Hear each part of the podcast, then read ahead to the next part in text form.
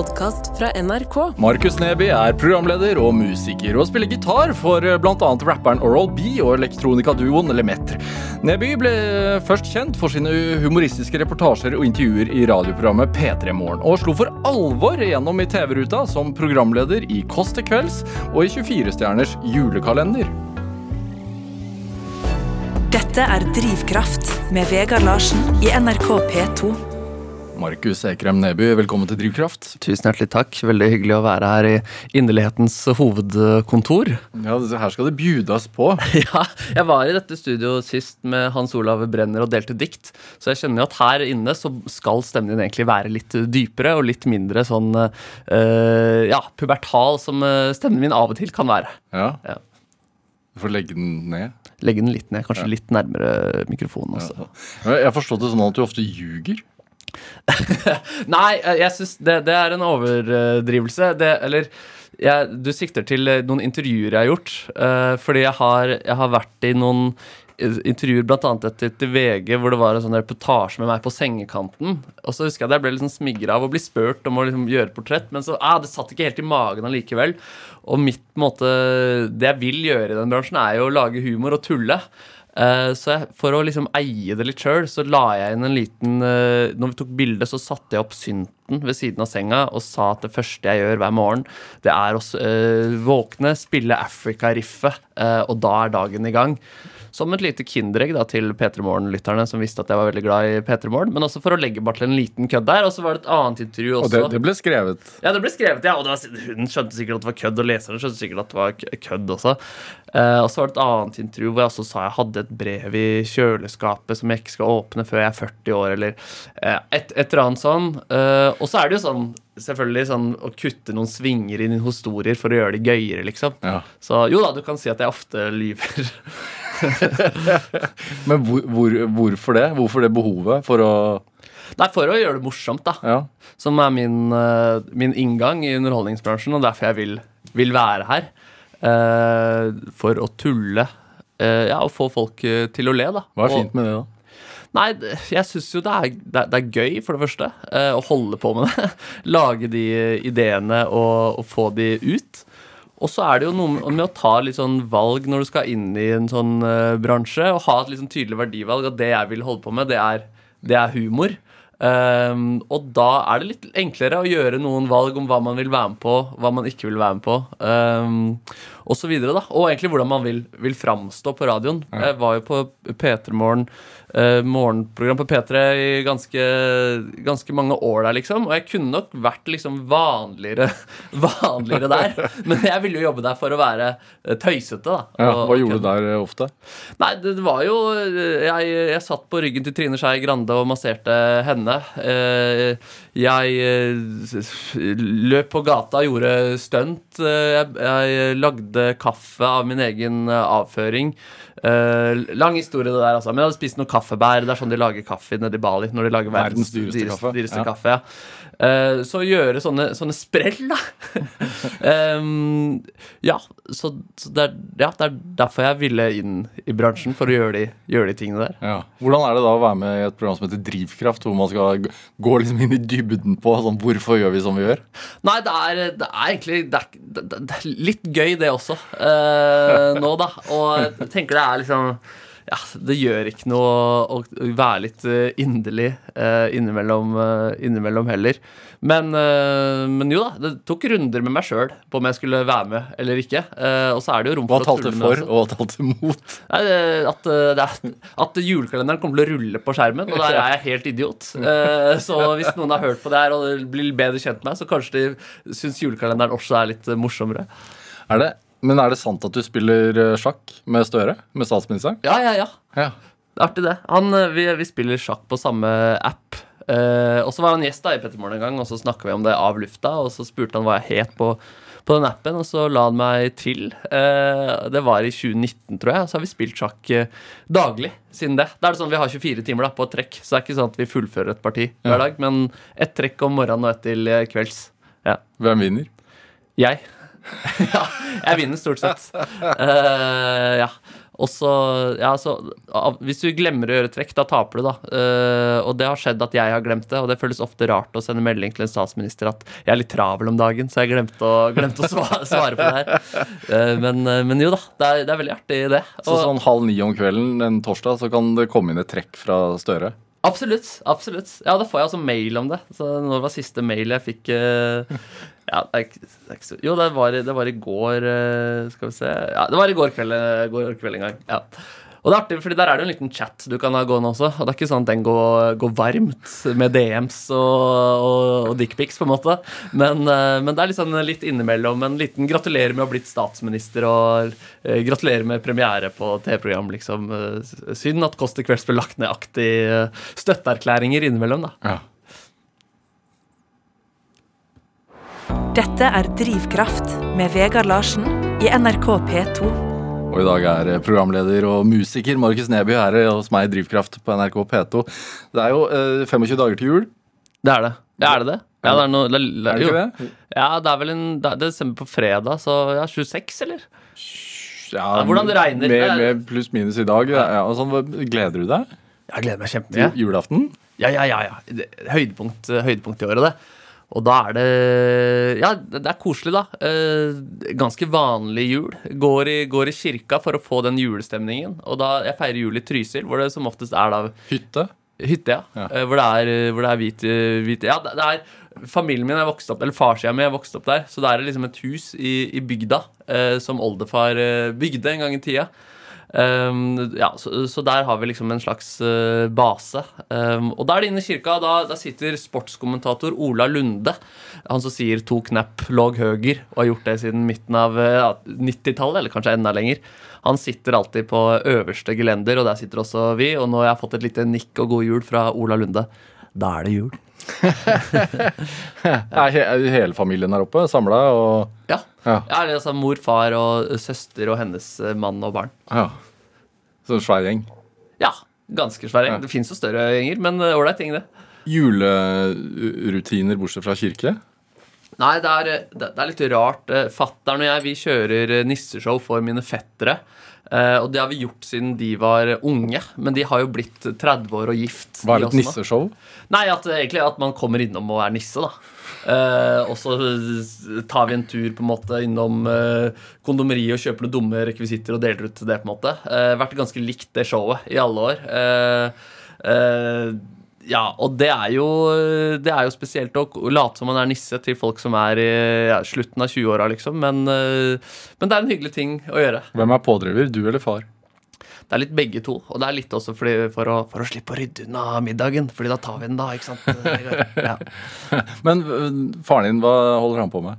Nå er han pensjonert, da. Ja. Han underviste i musikk på, på høyskolen, og så, og, eller Oslo OsloMet. Og så har han et studio i kjelleren som han drifter, og har litt ulike uh, forskjellige musikkprosjekter innom. Så spiller han der. Ja. Ja. I kjelleren i huset sitt her? Ja, Der du vokste opp? Ja vi, Da vi flytta da jeg, var, da jeg var 14 år. Så Han har alltid hatt et studio, men uh, før så var det et lite sånn kott på loftet. som var veldig trangt. Med sånn, uh, du følte egentlig du bare gikk inn i en sånn svart isoporvegg av et eh, rom. Pressa inn masse teknologi. Et lite sånn der, Nesten som en sånn lite flykabinett. Eh, men så flytta vi, og så da flytta vi også blant annet fordi da kunne han utvide dette studioet. da. Få, et, eh, få to større rom eh, med en liten vokalbooth i, i midten og gjøre det, gjøre det enda råere. Han har jo tatt, eh, tatt det et steg lenger nå da med å egentlig gjøre stua også til et eh, studio. så det er jo å gå gjennom den stua der er jo nærmest som å Du vet sånn der i tegnefilmer når man må balansere gjennom masse sånne laserpiler for å komme til bankhvelvet. Eh, det er nesten som å balansere mellom kabler eh, på den måten der. Hvilke instrumenter spiller han? Det er faktisk trombone og klassisk gitar som er hans hovedinstrumenter, men han er ikke så aktiv der. Eh, arrangering og eh, dirigering er det han liksom har gjort mest sånn av utøvende ting, Ja. men i det siste. Men um, Hva husker du av det altså, som, som unge? Ja. Av, av musikk og instrumenter og sånn? Jeg husker at det var mye rundt omkring hele tida. Jeg husker jeg så var ung og så fatter'n dirigere et, et storband, og at jeg syntes det var kult. Så husker jeg vi alltid hadde piano framme, og at jeg klimpra litt eh, med det. Og at fatter'n og mutter'n var veldig støttende på det. da. Det var en gang jeg spilte piano, og pianoet gikk ut i, ut i hagen. Eh, og der i, nabohagen så var det en russisk kvinne som solte seg. Og hun var veldig streng, så jeg husker at jeg var 10-11 år, at hun ropte Jeg tror jeg spilte Get Back av Beatles, faktisk. Eh, At hun ropte Markus, du kan ikke synge, og du kan ikke spille heller! Slutt med de greiene der! Og det var fatterns svar på det eh, da jeg fortalte det. At han, eh, når han kom hjem den eh, dagen og bare hamre løs på det pianoet der i en ti minutters tid og få opp den konfrontasjonen og sa at sønnen min skal spille eh, piano. Ja. Men var det det? Altså en oppfordring hele tiden? Så han, han sto på barrikadene da for deg mot en mot, Mot en russer, ja. ja, ja. Så han har stått mot russerne lenge, han nå. Men var det en oppfordring, eller var det bare en naturlig del av Litt, litt begge deler. Det var liksom Jeg, jeg skulle i ettertid nesten ønske at de, de pressa meg mer til å øve på instrumenter, så jeg kunne bli enda, enda bedre. Eh, men, men nei, så det var ikke liksom så press, og det kan være de påvirka meg til å ville begynne eh, med musikk. Litt sånn eh, manipulativt, som man kan gjøre med barn. Men Når begynte du, da? jeg begynte med piano da jeg var ti år, men det var liksom da jeg begynte med gitar som 13-åring, at jeg virkelig liksom ble fanget av musikken. Ja. Så det var et sånt intervju som jeg fant når vi rydda i boden med fattern i den Oslomet, eller Høgskolen i Oslo, da, som det het da, hvor han ble intervjua som musikklærer. Hvor han snakka om at det viktigste med musikkglede er at folk hører på det de vil høre på. Så kasta han meg under bussen da, og sa sånn som sønnen min for eksempel, hører bare på Oral B og Bumfunk MCs. Eh, de som var freestyler. Eh, og det var jo sant, det. Kunne lagt til Michael Jackson der også, for så vidt. Det var de tre jeg hørte på da. Og det er jo ikke på en måte noe en, eh, kanskje en musikklektor egentlig anerkjenner, men, eh, men han eh, så at jeg likte å høre på det, da, og mente det er det viktigste med, med musikk. Hadde du fri tilgang til studio? Ja, men det var ikke så mye jeg skjønte av det, det studio, så det var ikke så mye jeg kunne gjøre der. på en måte. Jeg har en, eh, har en låt der av Ja. Markus Neby, ti år. Ja, det stemmer det. For jeg var jo tidlig på da å, å underholde på, på skoleavslutninger og øh, lage tullelåter. Så, så var det mm, at jeg, jeg skulle lage et show på skoleavslutninga. eh, Ta, ta regi og sette meg selv i hoved, hovedrollen. Og da husker jeg hadde sett på Trond-Viggo Torgersen. Han hadde fått meg veldig eh, til å le med en sånn dansebandparodi eh, hvor han sang eh, om en som het Josefin. Og så husker jeg jeg egentlig hadde bare lyst til å gjenskape akkurat det nummeret der, men det var jo ikke YouTube, så jeg huska jo ikke Og jeg huska ikke hva det var. Jeg hadde sett det én kveld, liksom. Så jeg huska at sangen begynte med 'Klokka var kvart over åtte', og at han sang en som het, om en som het Josefin. Så jeg skulle begynte å skrive det ned, og så begynte jeg å skrive 'Klokka var kvart over åtte', så huska jeg ikke mer. Og da var det bare å, å dikte videre selv. Og jeg huska også feil. Det var ikke Josefin, det var eh, Han sang om Josefin, og jeg skrev da en sang om Josefine, som var eh, en av de første humorlåtene jeg lagde da, som tiåring og framførte på denne skoleavslutningen. Og som egentlig er, har blitt en ganske sånn vesentlig del av karrieren din. På Kåss til kvelds så var det mye humormusikk og Ja, veldig. Uh, ja, jo, det, det, du kan si det, altså. At det, det var med den her uh, tullemusikken starta. Det skulle være en dansebandparodi, da. Klokka var kvart over åtte. Det var juleball i år. Men da jeg skulle ned og ordne på mitt hår,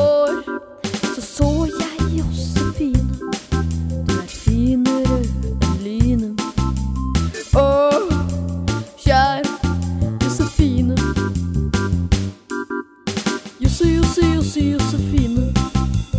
Jose, Jose, Jose, Josefine. Jose, Jose, Jose, Josefine. Kjære Josefine. Vi satte oss inn i taxi. Josefine var nummer én. Josefine var så sexy. Og veldig,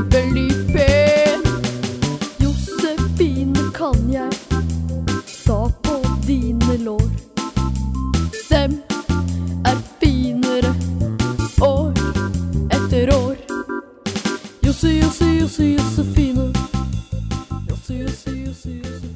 Ja, du fikk eh, ti år gamle Markus Neby som synger eh, låta 'Josefine' her i Drivkraft på NRK P2. En låt vi spiller i dag fordi at Markus Neby er dagens gjest. Ja, Han hadde aldri tenkt at han skulle bli spilt på P2. Uh, Men bra vokal. Ja, ålreit, den, altså. Ja. Ja, det, jeg syns jo låta låta Bra produksjon. er Produsert sjæl? Ja, altså Det var et program som måtte være måte var nesten sånn tidlig AI-program, eh, som et band in a box, hvor du kunne skrive inn akkorder, og så kunne du velge sjanger, og så fikk du liksom ut eh, den, uh, dens maskins tolkning av det her. Da. Og der er jo fire akkorder. C-dur, A-moll, D-moll, G-dur, som er de mest primitive akkordene som finnes. Eh, og band in the box låter veldig dårlig, bortsett fra et danseband. Der funker den veldig bra. Så, så det var klaff akkurat der. Men ingen sånn MGP junior uh... Nei, ikke i det hele tatt. Og jeg husker jeg liksom tenkte det som ukredibelt å, å være med på. Og det som 10-11-åring hadde litt sånn distanse til det. Så jeg husker faktisk jeg fikk av læreren min sånn på øh, Alle fikk en lapp med hvordan de trodde framtiden kom til å bli når vi slutta på barneskolen. Og da var liksom den siste setningen der Og vi kommer aldri til å se han i Melodi Grand Prix Junior. Hvordan trodde du fremtiden ville bli, da? Litt som, litt som nå, egentlig. Eh, at jeg jobba med tull og, tull og musikk. I hvert fall rundt de tidene der. Ja. Hvem var du som barn? Jeg var en, en, en tullete, fri fyr, Ja. men allikevel litt, eh, litt eh, sjenert. Så jeg, jeg var Jeg hadde alltid vært klassens klovn, men jeg var aldri han som bråkte i timen eller liksom yppa med læreren eller satt bakerst og slang kommentarer. Jeg var liksom den som når jeg fikk ordet i ryddige former, da skulle jeg kline til. Og jeg likte da å sette opp sånne show da, og liksom ja, få med folk og ha litt regi der og sånn. Så Hvor, ja. hvor- hvorfor det, tror du? Hva, hvor kom det fra? Nei, jeg, jeg har en storesøster som er tolv år eldre. eh, og hun ble jo nesten en sånn tredje forelder, så jeg fikk jo applaus fra tre voksne personer, føltes det som, eh, fra jeg kom ut av magen eh, til mutter'n. Ja. Og de syntes jeg var gøyal og ja, lot meg holde på, da. Så husker jeg at jeg, jeg, jeg oppdaga sangen 'Penger' av Oral B. av- på, på PC-en til storesøstera til en kompis. Jeg husker den euforien vi hadde i det lille trange loftet uh, der, at vi syntes den var så catchy. Og det fulgte jeg da opp med at jeg, jeg, jeg fikk tak i Oral B-albumet, den breiale stilen. Jeg husker jeg kjøpte det på en platebutikk, og at Christer Falk også satt der. og At det var stas å se han, fordi han akkurat hadde vunnet. Robinson. Ja, ja. Så kjøpte jeg den, og det er 16 låter, og da var jeg ni år, da. Uh, Og at jeg pugga Jeg kunne tekstene på alle de låtene der. Og det var jo, ja, som niåring å liksom synge Jeg har en bag full av pistoler, jeg får damer til å ta av sine kjoler. Eh, blanding av liksom drøyerim, men også med referanser til Aslak Sira Myhre. Eh, og denne setningen der Jeg vil ha en lommebok som er så feit at den får junkfood til å se ut som Karen Marie Ellefsen. Han har jo noen sånne solide, solide med sånn tidlig 2000-tallsreferanser. Som jeg husker at eh, jeg fikk også positive reaksjoner på. det Så jeg har også veldig sånn klart bilde av at vi satt i bilen eh, på vei til hytta. At jeg satt med sånn derre, eh, de der Boss-hodetelefonene eh, som alle hadde. Eller var det Koss? Koss ja, samme det. Ja, Koss-hodetelefonene. Eh, og at jeg rappa høyt, da, det jeg hørte, hørte der. Og at fattern satt på forsetet i bilen og lo seg i hjel. eh, Uten at det liksom var en liten pekefinger på det. På det. Så det var jo Det var ikke noen grensesetting på de tingene. Men hvor vokste du opp? På Bjørndal i Oslo. Um, Hvor er det? Det er liksom uh, i forlengelsen av uh, Mellom Mortensrud Hauketo, uh, Holmlia. Kalt for liksom Oslo øst. Ja. Um, og er, er vel geografisk mer sør, men det, det er riktig å kalle det Oslo øst. Ja. Ja. Og når dere flytta, da? Da flytta vi til, til Vinneren, som jo er på motsatt side av byen. Da jeg var 14-15 år. Um, Hvordan var det? det var helt greit, for jeg gikk allerede på en skole i Oslo sentrum. Og der kommer vi jo til noe som er liksom, noe jeg ikke har snakka så mye om som, eh, som kanskje er interessant. Fordi jeg begynte på Kristelig gymnasium på ungdomsskolen, på KG. eh, fordi jeg ville det også selv, og fordi jeg i den perioden ble, ble veldig kristen. som var et slags, nærmest et ungdomsopprør, da. Fordi eh, jeg, ja, som jeg sier, jeg kunne de Oral B-tekstene og lagde disse showene og synger om å ta på dine lår som, eh, som tiåring i de låtene der, liksom. Um, og det var ikke sånn at jeg slutta med det, men jeg husker jeg ble med en kompis på en, på en kristenleir. Uh, var det sommeren til sjette eller sjuende, eller, eller hva det var? Og at uh, det var jo Det var veldig mye fint ved det. Det var veldig sånn uh, Ja, godt miljø. Og så var det noen møter da hvor det alltid ble sunget noen sånn veldig patosfylte eh, sanger. Så husker jeg liksom i slutten av den siste kvelden, da, liksom var den siste kvelden, og det var disse karismatiske lederne som snakket om Gud og alle disse tingene, og, og mens liksom det patosfylte taffelpiano var i bakgrunnen der, nesten liksom filmatisk, ikke sant, og at jeg ble sånn revet, revet med, og at jeg, jeg tenkte at nå er jeg frelst. og så tenkte jeg at jeg, da skulle jeg komme hjem til foreldrene mine og familien min og liksom fortelle om at uh, nå, har jeg blitt, uh, nå er jeg blitt frelst, og tenkte at det var en sånn gladnyhet. Litt som å si at du er blitt gravid, uh, på en måte. Men da var det jo egentlig mer lyden av en gaffel som traff tallerkenen. Eh, ikke så mye motstand fra mor og far som lar meg holde på om det er Oral B eller om det er Jesus. på en måte eh, Men søstera mi husker jeg bare syntes nei, seriøst, liksom. Og at jeg måtte forsvare det, forsvare det litt. Men eh, Så det var ikke noe sånn der motstand, eh, ordentlig motstand i det. Og jeg sto litt i det, og jeg, jeg hadde det veldig bra da på, på KG mens jeg gikk da i denne pinsemenigheten, som var, var den kristenleiren jeg hadde blitt, eh, blitt frelst på, Ja. parallelt der. Um, Hva skjer i en sånn pinsemenighet? Nei, det, jo, det, er, det var en ukentlig, ukentlig samling på fredager. Uh, hvor det er et sånt, eh, ja, et sånt karismatisk uh, stemning. Hvor det er liksom pene eldre uh, menn og damer som snakker om Gud og har enormt mye hårvoks i håret. Og så er det jo dritbra musikk, da. Eh, altså, en av tre minst du ser på scenen, kommer på en måte fra et sånt kirkeband en gang i tiden, vil jeg tro. Ja. Um, så jeg spilte mye musikk uh, der, og det var gjennom der jeg også oppdaga gitaren. Da. Det var en på den sommerleiren som spilte gitar, som gjorde at jeg hadde lyst til å Jeg ville også spille uh, gitar. Og da få spille liksom, med dritflinke folk en gang i uka på, et, uh, på en kul scene, det var jo helt eh, rått. Og der fikk jeg også masse sånne humormuligheter. Fordi det var ikke da sånn at eh, Jeg gjorde liksom stolthet til at jeg kunne være kristen, men allikevel liksom være drøy, på en måte, og, og, og tøysete. Og kunne rappe Oral B i kirka, på en måte. Så jeg husker sånn der, i, i 14-15-årsalderen liksom, så fikk jeg en slags eh, jobb da, som, som humorinnslag eller konferansier på en sånn eh, stor kristenleir, eller om det var en festival, hvor jeg i en stor hall, jeg tror det var 1500 mennesker der, eh, skulle underholde. da. Eh, Og det var jo helt sinnssykt. Og det var jo et enormt kick. Og jeg husker også at når jeg gikk av scenen der, så var jeg så fornøyd, fordi de hadde ledd, og det var, det var så digg, da. Men da husker jeg at jeg fikk kjeft, da. Av eh, lederen av festivalen, som sa 'nå dro du den for langt', og det her er ikke greit. Hva hadde du liksom. gjort da? Nei, og jeg tror det var så enkelt som at jeg hadde flørta i kamera og sagt liksom, si ifra hvis noen er single i kveld, liksom. Det var noe i det landskapet der, men ja, den, var i, den var litt i grenseland der. Men den husker jeg også at jeg liksom sto litt på. Jeg syns ikke den var, var så drøy, den der. Men, men, men du beskriver barnehjemmet ditt som, som fritt. Hva vil det Ja. si? Nei, at det ikke satt noen grenser eh, på, på, eh, på den type humor og, og sånne type ting. Altså, det var jo en, en sånn samtale jeg fikk en gang med en lærer som syntes at jeg eh, Vi hadde en adjektiv historie, liksom, hvor jeg hadde hamra ut noen grove barnslige ord. Um, og da fått klassen til å le og, og synes det var morsomt sjøl, men læreren ville lese opp den adjektivhistorien da, i, foran fattern og mutter'n for å liksom sette et eksempel. Men da bryter jo fattern også bare ut i latter, ikke sant. uh, så den, uh, så den, den gikk ikke helt gjennom der. Ja. Men hadde, Var det et behov for uh, ungdomsopprør, eller var det bare en Nei, det var ikke ungdomsopprør. Det er nesten noe Det var du som sa det? Det var jeg som sa det, ja. Så det er mer, sånn, ja, mer som en sånn vits, uh, ref det å lyve intervjuer. Uh, fordi det var, helt, det var helt greit for dem, men jeg- vet at de også hadde liksom samtaler og sånn ah, Skal vi liksom prøve å ta en samtale om, eh, om det der? Men så landa de på at det er kanskje bedre å være der enn å være i et gjengmiljø eller å ramle utapå i noe hasjgreier, liksom. Det harde gjengmiljøet på vinneren? Ja, ja, ja. Men på Bjørndal så var det jo, så var det jo litt mer overskrifter og sånn om, eh, om trøblete ting som skjedde på, på Bjørnholt skole, som var ganske ny da og sånn. Men uh, det hadde sikkert ikke skjedd heller. Jeg hadde nok vært ganske snill uansett. Ja. Uh, så de satt aldri foten ned. Jeg husker mutteren, Det eneste hun gjorde en gang, var at hun hadde vært på et foreldremøte med de andre som skulle konfirmere seg da, i den, uh, i den pinsemenigheten. Og da var lederne veldig opptatt av at vi vil at alle skal kunne komme til oss og snakke om problemene sine. Vi vil være der for dem. Eh, og mutter'n er utdannet terapeut, så hun var veldig sånn opptatt av det. Men har dere kompetanse? Hva slags terapeut? Uh, Gestaltterapeut. Ja. Ja.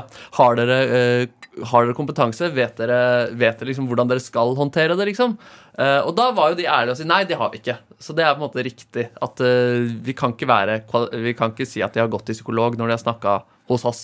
Men vi vil være der for dem allikevel. Og det er jo noe fint ved det også. Voksne som på en måte er til, tilgjengelig for uh, uh, For å høre på unge folks uh, tanker og problemer. Selv om det da var en Jesus-kontekst. At du mest sannsynlig fikk et svar fra Bibelen i retur. Hvorfor ble det et brudd? Det var Jeg pika som, uh, som kristen uh, sommeren til første klasse. Hva, hva er å pike? Nei, da, fordi da dro jeg uh, Da dro jeg all in, og da dro jeg på misjonstur til Latvia. Eh, Så, så jeg sto på gata som, som 16-åring med en mikrofon eh, på torget i Latvia og snakka om å tro. da. Eh, og at det handler ikke Altså, eh, dere trenger ikke å ha fortjent dere til denne troen her. Det er noe Altså misjonering, rett og slett? Ja, det var misjonering, ja. Ja. Og vi gikk fra, fra hus til eh, hus, da. Og Hvor gammel var du da? 14-15? ja, år? 16. 16. Um, gikk fra hus til hus, og det husker jeg var ganske sånn sterkt. da, Å være innom fattige familier. Hva får man beskjed om før? Altså, er det sånn, Hva er oppdraget? Nei, altså Oppdraget var å være der til stede. eh, Hjelpe dem med det de skulle trenge. eh, Gi dem eh, klær, klippe gressplener, gjøre praktiske huslige ting. Og så skal vi ikke presse dem på liksom Gud og Jesus da, men hvis vi har et møte eller vi har et show liksom i, i slutten av uka, og da vil vi at dere skal komme, da. Vi inviterer dem dit. Um, så, så det var jo, det var jo fint uh, også, og det var jo noen sånne sterke sterke øyeblikk der. Jeg hus ja, dette, dette, nå, nå, vi, nå er det inderlig her. eh, Nå må jeg bare adressere det overfor meg sjøl, kanskje aller mest. Men eh, hvor vi, vi siste kvelden så husker jeg at jeg hadde en pose igjen um, med klær som jeg ikke hadde fått gitt. Og da husker jeg at jeg ville gå tilbake til det ene huset vi hadde besøkt. Og da tar jeg med meg en kompis, og da var det ganske mørkt da, i den ganske fremmede og fattige landsbyen som vi går, går gjennom. Og så husker jeg at når vi kommer gående mot det huset, akkurat idet vi ankommer det, så kommer hun moren i huset eh, ut, blødende fra, fra fjeset, med datteren sin smilende og glad like bak. Og det husker jeg Det, det, var, det var veldig sjokkerende, da. Um, og så, husker jeg at hun, hun snakka ikke så godt engelsk. Det var ikke så lett å kommunisere uh, med henne. Men hun, jeg skjønte at hun liksom ville at vi skulle være litt med ungen. Så da, og hun ungen vinka oss eh, med, da, at vi, vi gikk inn i, inn i det huset som jeg husker som ekstremt rotete. Det var en måte som om bøker falt ned hvis du kom borti liksom, veggen, og en jakke på gulvet, og at det lukta alkohol. da. Eh, og så husker jeg at vi satt inne på det ene trange rommet der eh, og, og på en skitten seng og så på Tom og Jerry med den modige jenta som satt og, og lo da, eh, til oss. Eh, og pekte liksom se, 'se nå'. Og så Jeg vet ikke om jeg har lagt til det her i hodet mitt i ettertid, men jeg liksom innbiller at jeg hørte liksom litt ubehagelige lyder da, fra mora litt, litt lenger vekk der.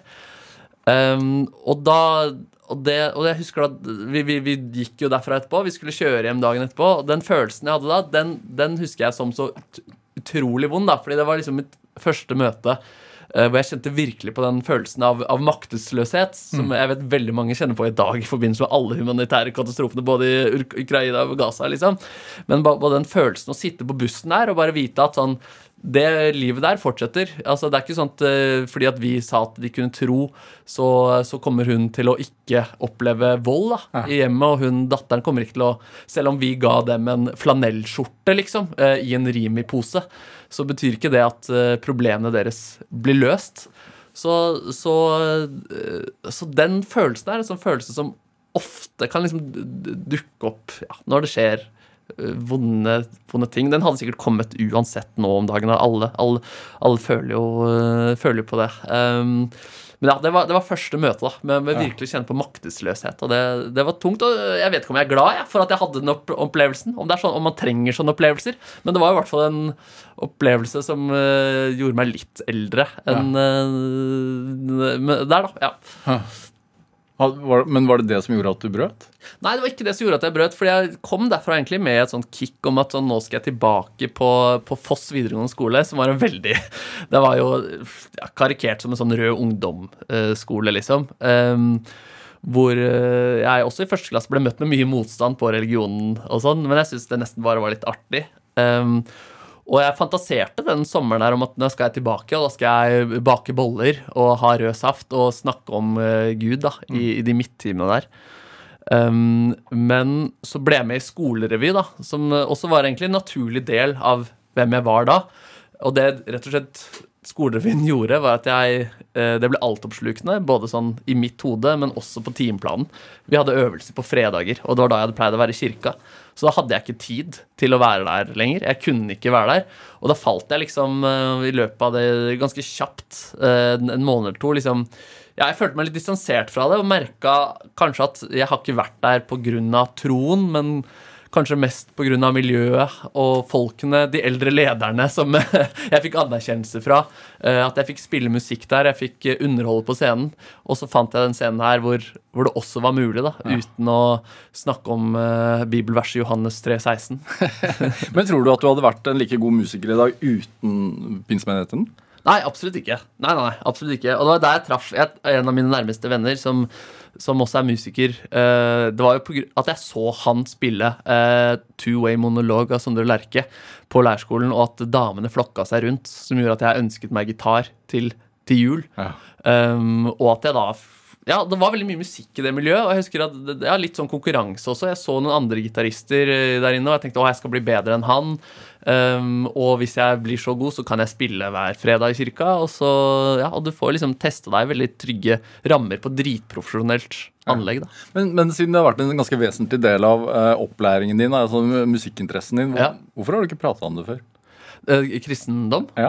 Nei, det, det er fordi Det er, det er et- bevisst valg fordi eh, på grunn av noe Hedvig Montgomery Jeg lurer på om hun skrev det i Dagbladet. Det var, det var mer i forbindelse med folk som profilerte seg på reality på reality-TV. Ja. Og at hun sa at det er liksom viktig at folk som er i offentligheten, har noe som er litt sånn hemmelig, som bare er for dere. Og ikke nødvendigvis ehm, at det liksom er noe skamfullt over det, men at det er noe du kan fortelle da, til nye og nære relasjoner, så de eh, relasjonene du har, føles mer ekte. Eh, og, og, og sanne ut, da, og eksklusive. Og jeg kjente jo når jeg da var på P3 Morgen fire timer, fem dager i uka, liksom, over en lang periode Lytterne der kjente og kjenner meg jo ekstremt godt. Kanskje til og med bedre enn jeg kjenner meg sjøl. Fordi de har hørt meg og nyansene i stemmen. ikke sant? Ja. Så, og, så ha den eh, var liksom viktig. Eh, og nå som jeg ikke er på radioen eh, så mye, eh, så føltes det også eh, bare litt sånn spennende og, og gøy ut eh, å prate om. Det er mye upløyd, upløyd, uh, Det er ikke så farlig med det lenger. Nei, det er ikke så farlig lenger. Altså så blitt litt eldre. Når, når altså var Hva er, hva er det nye eksklusive som du ikke deler? Ja, den får du om ti år, da. Ja. Markus Neby, vi skal spille litt musikk. Uh, du- har du- her, altså. Ja, du, du har med en breakbot-låt, One Ja. Out of Two. Hvorfor det? Jo, den er jo Det er jo den, den, den det, er, det er den kuleste sånn musikkhistorien jeg har, kanskje. Hvor jeg var da på turné med dette bandet eh, Lemet, da. Hvor vi hadde en uh, turné i, i Australia. eh, Hvor vi reiste rundt med en sånn EDM-festival. Uh, Så elektronika Elektronikafestival, Ja. Uh, hvor festivalen eh, den ble satt opp i ulike byer, og det var liksom noe australiere trener ett år til i forveien. Så klientellet på festivalen var menn med caps bak fram og singletter og ekstremt solbrente muskler. Eh, og Jeg husker at jeg, jeg digga ikke så mange av de EDM-artistene som var der. Det var liksom store artister. David Guetta, Calvin Harris uh, uh, og liksom hard techno boys noise for de som er nerds. Um, men det var ikke så mye der jeg var fan av. Men så husker jeg at vi også skulle til Jakarta etter vi hadde hatt den runddansen i, i Australia. Og der så jeg på plakaten at en artist som heter Breakbot skulle spille. Og han var jeg veldig fan av. Ikke sånn gigantisk artist. Eh, Den største claim to famen hans er at Bruno Mars har stjålet en av låtene hans, og at det ble litt saker, saker om det. Um, men, jeg, men jeg likte det veldig godt, og så sa jeg liksom litt på tull til Meth-gutta Tror dere at hvis han ser meg, at han vil spørre om jeg vil være gitaristen deres, liksom? Og nærmest Jeg husker at jeg satt på do eh, mens eh, vokalist Ulrik satt i senga og ropte 'Markus, kom hit!' Og da hadde de fått en uh, DM da, uh, på Facebook-siden sin fra Breakbot-leiren. Gitaristen vår må kaste inn håndkle for resten av uh, turneen. Uh, har Markus mulighet til å være med i, eh, i Jakarta? Eller ikke Markus, har ikke dere en gitarist dere spiller med? Kan han være med? Og bare, å shit, fikk jo helt frysninger der. Og så var den eh, Det var ganske sånn rett sette seg på flyet eh, til, til eh, Jakarta. Ut av bilen, én natts søvn og rett, rett på, da. Så jeg husker jeg fikk liksom opptak av den, det gitaristen hadde spilt. Jeg måtte sitte på flyet og liksom ja, notere litt ned og, uh, ja, og lære meg det, rett og slett. Og så var det ganske ja, rått da å møte, møte Breakbot, og så også ha lydprøve og skulle spille med han. Han ser jo faktisk, apropos pinsemenigheten, ut som en Jesusfigur. Langt brunt hår, eh, i hvert fall den stereotypiske Jesusen, og litt sånn eh, skjegg og var kledd i en hvit dress, mener jeg også å huske. Så var det da, og vi hadde spilt, og jeg skulle spille med Breakbot etterpå. Og da var det den sangen her, One Out of Two, da, som åpner med en gitarsolo, og har en gitarsolo inni seg, som var mitt uh, åpningsnummer i den konserten. Husker jeg også jeg kjente der, eh, Vegard, at jeg gikk ut at det ikke var lyd i gitaren. Så det var litt sånn panikk i, panikk i starten her. uh, men den kom akkurat inn, og da var det bare å, å klinke, klinke til, og det var helt uh, Ja. Utrolig kul opplevelse. Altså, det liker du. Det er bare sånn Ja, ja, det, det skjer. Jeg, ja, nå bare går jeg på, liksom. Ja, 100 Ja. ja og det, ja, Så jeg var ikke noe bekymra der. Og jeg, jeg var egentlig ganske sikker på at når jeg hadde hørt opptaket av forrige gitaristen, at jeg kommer til å gjøre det bedre enn han. Uh, og, det, og det gjorde jeg, altså.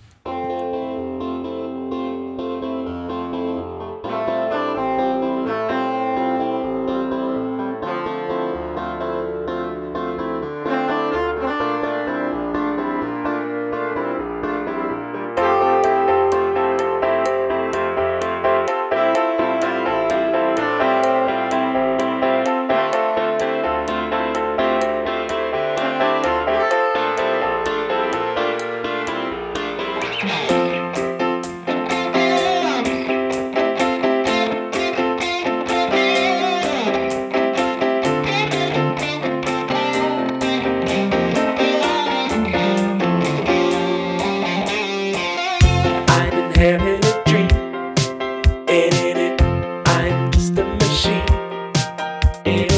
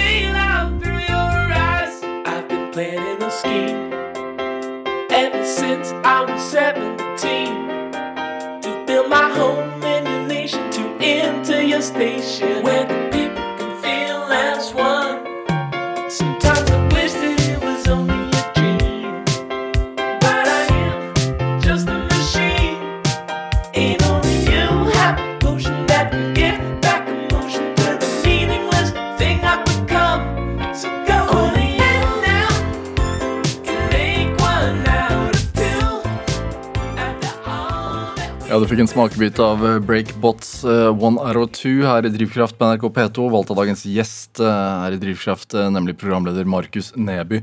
Altså, Du har spilt på Roskilde, du har spilt på Coachella, eh, turnert eh, masse Europa generelt. Altså, men, men ofte da som uh, gitarist i et band. Du har ikke lagd så veldig mye musikk selv, bortsett fra ganske humoristisk musikk. Ja, jeg har lagd eh, til, eh, til, ja, til Kåss til kveld så ble det jo veldig mange låter uke inn og uke ut. Men, men sånn art, musikk med meg som artist Jeg har lagd, jeg har lagd en del. Ja. Men jeg har ikke liksom funnet ut hvordan eller helt hva det prosjektet skal være. Så jeg har en Dropbox-mappe med liksom ja, 20 låter, og så har jeg Som ikke er tull. Som ikke er tull.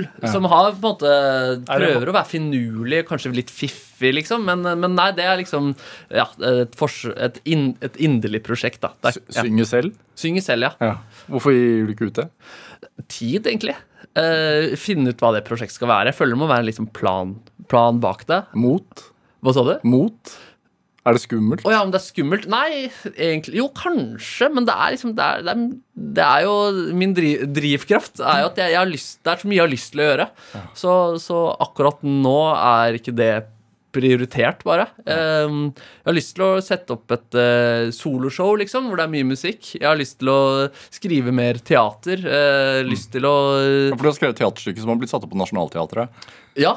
Eh, det, ja, det, skal sies at det var en, en, en, en regissør sitt, uh, sin diplomoppgave på KIO, hvor jeg var med da å skrive sammen med hun og en annen. Ja. Uh, men det ble satt opp, det ble satt opp der. Ja, så, så det, Jeg har lyst til å skrive musikal, Vegard. Det er liksom, det er liksom mye jeg har lyst til. da så det er sånn, så, Men det kan selvfølgelig være at det er en ekstra frykt for å gi ut den alvorlige musikken. At man er redd for å bli litt sånn Kristian Christian Valen da han ga ut den boyband-låta, si liksom. Men det er ikke den musikken heller, da. Så, så det er ikke fremmed at det, det plutselig kommer. Og så har jeg også lagt ut noen låter eh, hvor jeg spiller funkgitar, liksom. Og har gjort noen remixer som ligger ute under mitt navn på Spotify. Men det er liksom ikke det prosjektet som er, er liggende på Dropbox nødvendigvis. Men hvorfor ble det ikke eh, mer musikk det ble, Plutselig så ble det mer P3, mer stuntreporter. Ja, sånn, hvordan skjedde det? Nei, fordi det var jo målet. Uh, og det var det egentlig liksom vi startet litt med. Da, at det var, liksom, det var det jeg følte som var mitt kall, og det jeg ville drive med. Det var kødden. Eh, så jeg, rett etter videregående, så, så studerte jeg ett år musikk, men så, så bes- eh, studerte jeg på Westerdals tekst og skribent. Og mens jeg gjorde det, så satt jeg liksom Jeg satt opp eh, skolerevy. Jeg eh, skrev for Hallo i uken, det radioprogrammet hvor man kunne sende inn satiretekster. Hvorfor er Westerdals også i utgangspunktet en reklameskole i Oslo, men det er jo ikke det lenger. Det er en kreativ fagskole, er det vel nå? Ja, nå heter det vel ikke Westerdals lenger Nei, heller. men hvorfor er, var det en god uh, institusjon å studere på? Nei, jeg, jeg så at flere andre hadde gått der. Så, som? som uh, Odd Magnus Williamson, uh, Sagen eh, Tore Sagen slutta jo der også, fordi han ikke fikk jobb i, i P3. Uh, Linn Skåber tror jeg også, også gikk der, da. Uh, så det så ut som, en, ut som en vei. Og så fikk jo jeg Ja, så, så jeg var veldig all in, da. Uh, spilte improteater. Uh, gjorde liksom det jeg kunne gjøre for å, for å kunne jobbe med, med humor. Og så fikk jeg da jobb i P3 mens jeg gikk på Westerdals, og kunne for så vidt kanskje ha slutta. men mutter'n var veldig der. Du må fullføre Du må ha en bachelor. du må ha en bachelor. Og så da, da var det den desember 2013. eh, Ti år siden, sykt. Hvor jeg da spilte da med, med Breakbot. Og etter det så var jeg da på, på radioen i P3 Morgen som praktikant, da, etter å ha vært tilkallingsvikar eh, og gjestebooker. Um, og da, da, da fikk jeg jobb som reporter i P3 Morgen den høsten. Og da kunne jeg også være med Lemetre på USA-turné. Uh, kanskje også flytta til LA og jobbet enda mer med det prosjektet. Men da, det var kanskje det tydeligste valget jeg tok. da, At nå har jeg liksom jobba for å komme hit, og det er det som føles som mitt og mitt kall. Eh, så da valgte jeg heller, uh, istedenfor å spille på scener rundt omkring i USA, å stå i Majorstua-krysset og prøve å få svar fra folk som ikke vil snakke i mikrofonen. Ja, fordi det var en del av de tingene du gjorde. Ja, blant annet. Ja, Som reporter, liksom. Da ja, alle i P3 Morgen har vært masse på, på hva, hvilket innslag er du mest stolt av? Oi. ehm, jeg intervjua vokalisten i bandet 1975 um, en gang. Og jeg syns han er veldig morsom og karismatisk. Og jeg hadde skrevet noen tekster som jeg ville at han skulle lese sammen med meg. Uh, og jeg syns de tekstene var morsomme, og det syns han også, så vi lo, lo veldig mye. Og så kulminerte i at vi kysset hverandre. Uh, og den Ja, det syns jeg ble et godt innslag. Samtidig som den kulminerte litt videre i at, at fansen til 1975 hang seg opp i meg og lag, gjorde meg liksom til et mem om at det var meg låtene handla om, og, og sånn. Og så Altså, så ble det et internettfenomen. ja, i hvert fall blant i liksom litt 1975-fansen. da um, Og så hadde jeg anledning til å møte han et par ganger, annet på Coachella. da Det var en måned etter uh, jeg hadde gjort det intervjuet at jeg skulle spille der, og han også skulle spille der. Også litt konserter i Norge og sånn. Og så møttes vi to ganger uh, senere, både backstage på Slottsfjellfestivalen og en gang eh, på flyplassen på Værnes, hvor de faktisk tok vanlige rutefly. Eh, og det var han som, som kjente igjen meg, eh, og vi kyssa enda en gang. eh, og jeg ble veldig varm i hjertet. Så, så det, den synes jeg ble, det ble en fin liten reise, det der. Er det? Hva er du, hva er du minst, hvilken, hvilken reportasje er du minst fornøyd med? da? Eller minst stolt av, kanskje? Oi, ja, den, er, den er litt vanskeligere, for liksom det kule med P3 og P3 Morgen, i hvert fall det jeg følte da, var at det var litt rom, og det skulle være litt rølpete. At, at det var litt dårlig. Kunne kanskje være litt sånn med vilje eh, noen ganger. Um, så jeg husker jeg skrev også en tullesang der som, som handla om Henrik Kristoffersen som uh, sa at å kaste snøball er ikke lov. Det var et klipp av han som ropte det veldig surt i målområdet. Og jeg skrev, skrev en sang rundt det, og den husker jeg den var fin, liksom. Men jeg husker også jeg bare skrev inn et vers om, om promp, da. Bare for å gjøre den litt mer barnslig og litt teitere, liksom. Eh, Så er det liksom vanskelig å være ordentlig misfornøyd med noe i P3 Morgen. Det er liksom kanskje lettere å finne noe i, noen humorlåter i Kåss til kveld som ikke satt eh, helt, liksom. Hva, hva, er, hva er det som er så eh, tiltrekkende med oppmerksomhet? Um, nei, jeg vet ikke. Jeg syns jo latter er den diggeste oppmerksomheten, da. Og så er det jo Er det bedre enn et hav av folk som jubler med, liksom? Altså på en konsert? Ja, begge deler er deilig, altså. Begge deler er fint, men, men jeg syns jo liksom eh, prosessen og er, er det mest interessante med det. Også tilbake til i starten, at det er på en måte det målet om å lage tull Ja. som drives, og at eh, hadde liksom målet bare vært å få oppmerksomhet, som selvfølgelig også er en, er en del av det, så hadde jeg nok eh, snakka om Jesus eh, for, for lenge siden, på en måte. Eh, eller vært med i mye mer programmer. Jeg syns Ikke lov å le på hytta er veldig kult å være med i, fordi der er det nettopp rom da, for å lage idiotisk tull og de andre ting. Um, så det er jo liksom det er, det er gøy å lage ting og gøy å se resultatet. Og særlig gøy hvis det treffer. Er det, er det uh, Jeg bare tenker Altså, du uh, Teaterstykke på Nationaltheatret, spilt på Coachella, uh, Roskilde, eh, P3 Morgen, også rett inn på uh, gullrekka til NRK med konsekvens. Altså, hva, hva Høres ut som en veldig liten penis. Har det Nei, men har det gått på skinner hele veien? Um, altså På et vis har det har det, det, da. Jeg, jeg, eller jeg, eller, et, et eksempel som jeg ikke fikk, var jo Eller Første gang jeg søkte på P3, så fikk jeg jo ikke jobb, på en måte. Um, og så jeg sendte inn en pilot som ikke har blitt noe av. Og ikke uh, Jeg bodde sammen med Fridtjof Stensef Josefsen, som også er eh, en veldig morsom fyr, da. Som har Mandag i NRK TV, lagd hit for Ritt og Kollektivet. Og da, jeg bodde med han i, i, eh, etter videregående, eh, og, og, jeg, og han var jo med i kollektivet. Og det var sånn Og jeg kom også dit at jeg på en måte fikk sende inn en video og komme inn i det rommet. eh, Altså hvor- humorserien Kollektivet? ja, riktig. Hvor Kevin Vågenes, Cecilie Steinmann Næss og Fridtjof og Jakob Skøyen Andersen og ja, Sebastian Brynstad begynte, da. Du kom ikke med? Nei, så jeg kom ikke med der. Så det husker jeg liksom Det var vel kanskje et, et slags slag i trynet. Ja. Og, så, og så husker jeg så jeg satte opp en skolerevy rett etter jeg hadde gått ut fra videregående. Var liksom ja, Det var på høyden, da. Var i skolerevybobla og hadde gjort det to gode år som skuespillere. Og så skulle jeg sette opp Fagerborg-revyen, som hadde fått to seksere to år på rad. Enda flere, kanskje også. Så valgte jeg å kalle den revyen for Ternekast 6. og så fikk den Ternekast 4.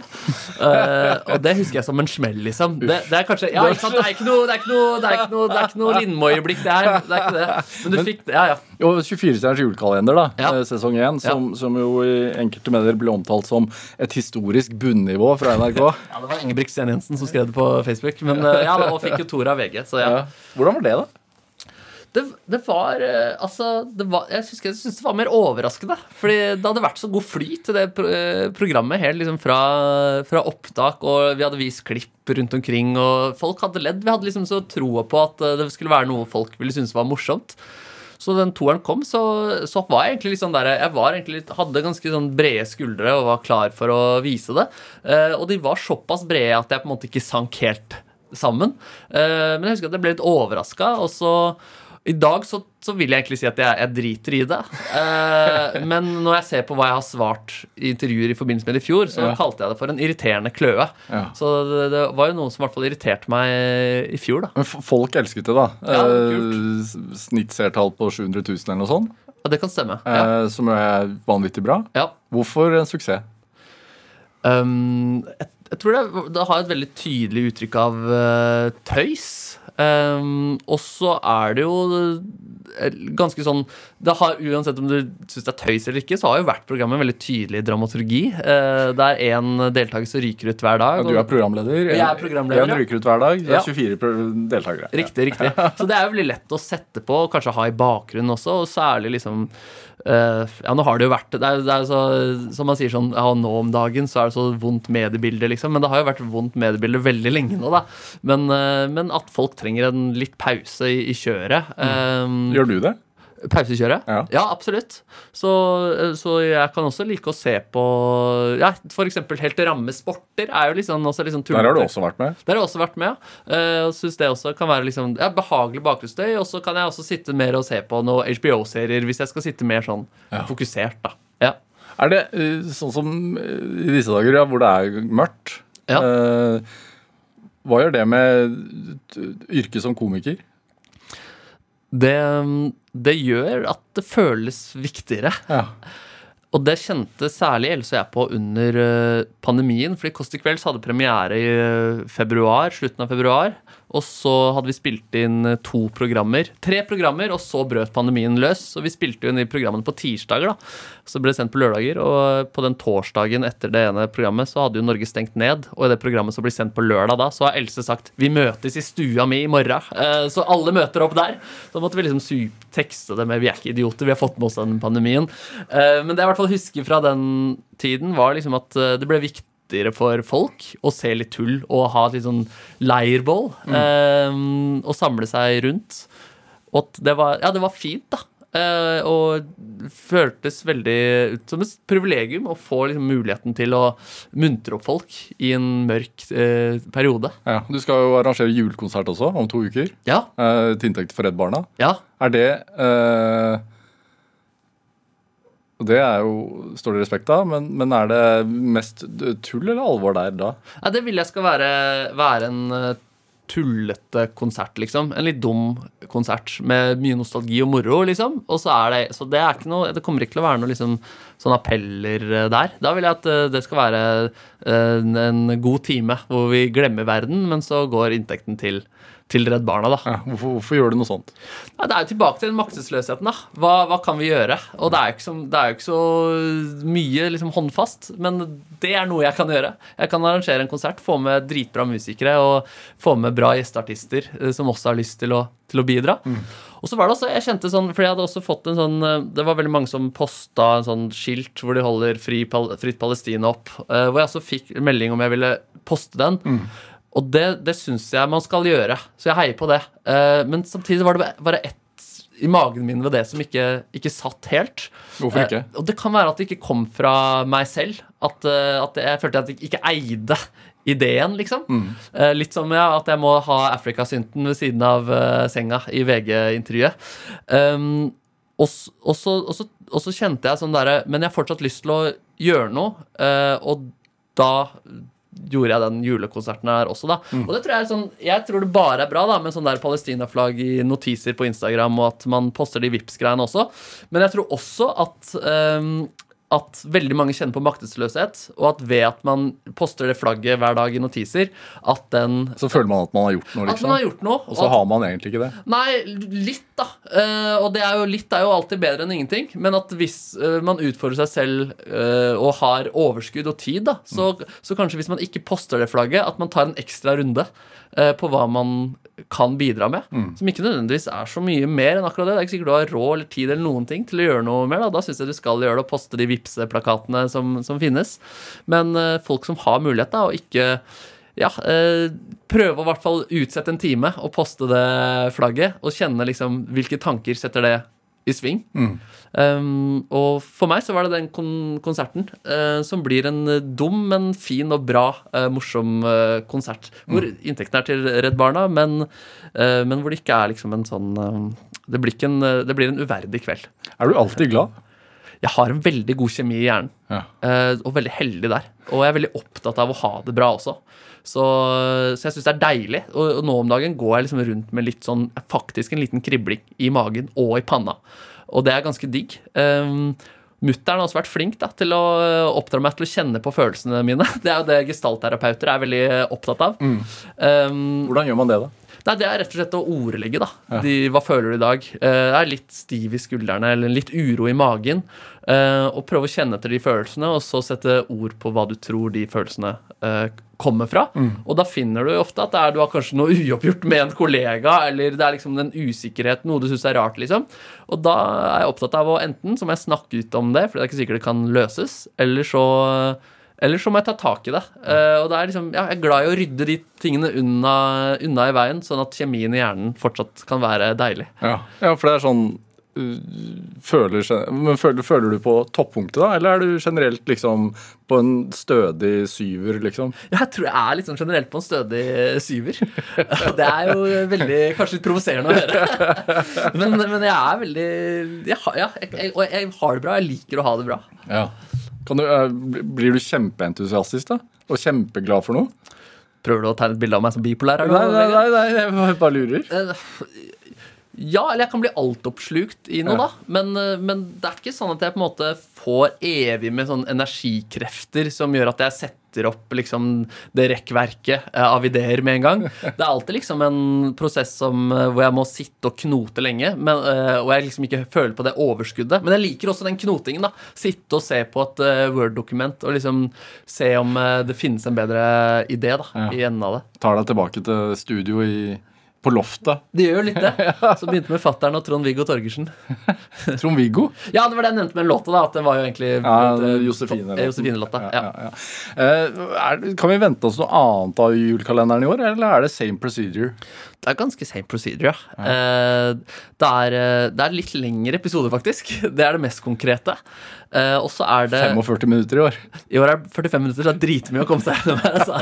Nei, er, men jeg tror det er sånn fem minutter lengre episoder. At I fjor var det 16 minutter cirka, i snitt.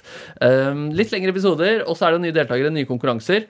Jeg syns det er eh, eh, Den har jo nå fått en femmer i Nettavisen også, og de mener at er, årets sesong er bedre. Så da får jeg håpe at folk er like mottagelige for det som eh, de var i fjor. da Markus Neby, hva er drivkraften din? Å lage, å lage ting. Ja. Om det er musikk eller humor eller eh, Ja, ja det er jo, om det er musikk eller humor. Bare starta.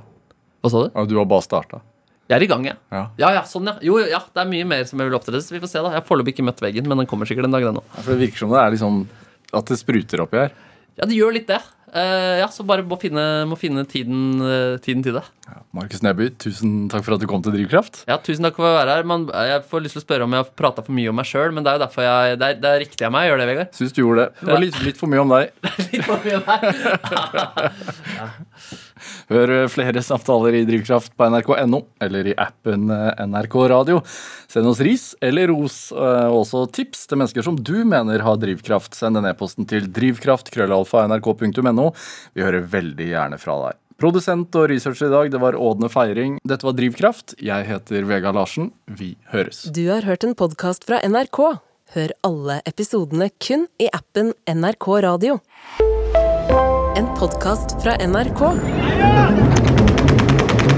Over 9000 norske soldater deltok i krigen i Afghanistan.